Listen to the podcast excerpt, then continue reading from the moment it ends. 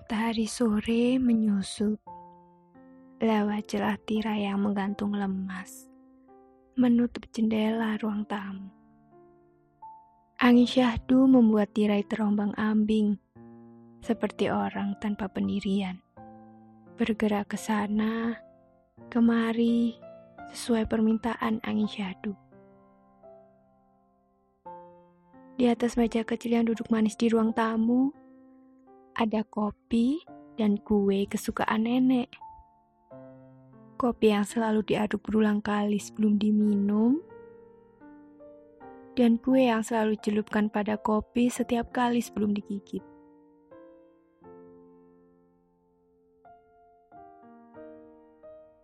Di sampingnya, berserakan buku tugas milik cucu perempuan yang setiap hari selalu merampas tempat bersila cangkir kopi dan stoples berisi kue kesukaan nenek.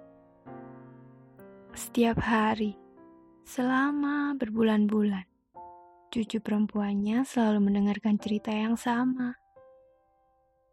Cucuku sangat beruntung. Begitu kata nenek waktu itu. Walau nenek berulang kali mengulang cerita yang sama, entah kenapa tidak ada rasa bosan yang menyapa. Waktu nenek kecil, perempuan tidak memegang buku. Waktu masih muda, nenek sudah diajarkan berbagai ilmu tentang dapur dan mengurus rumah.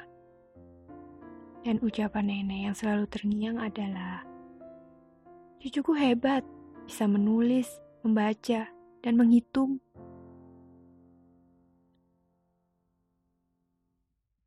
Di bawah sinar matahari sore, Nenek terus melanjutkan cerita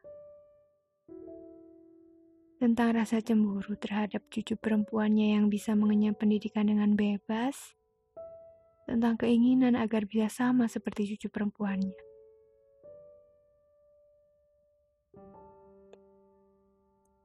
Hari berlalu begitu cepat, dan hari ini melewati seribu hari kepergian nenek. Cucu perempuannya yang waktu itu hanya bisa menulis untuk menyelesaikan tugas, membaca soal berulang kali agar bisa menemukan jawaban sesuai kunci, dan berlatih menghitung tiada henti karena persiapan ujian nasional sudah dekat.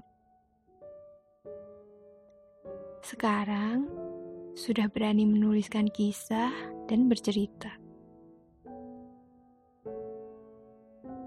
Kalau nenek tahu cucu perempuannya bisa melakukan itu, apa ya reaksi nenek?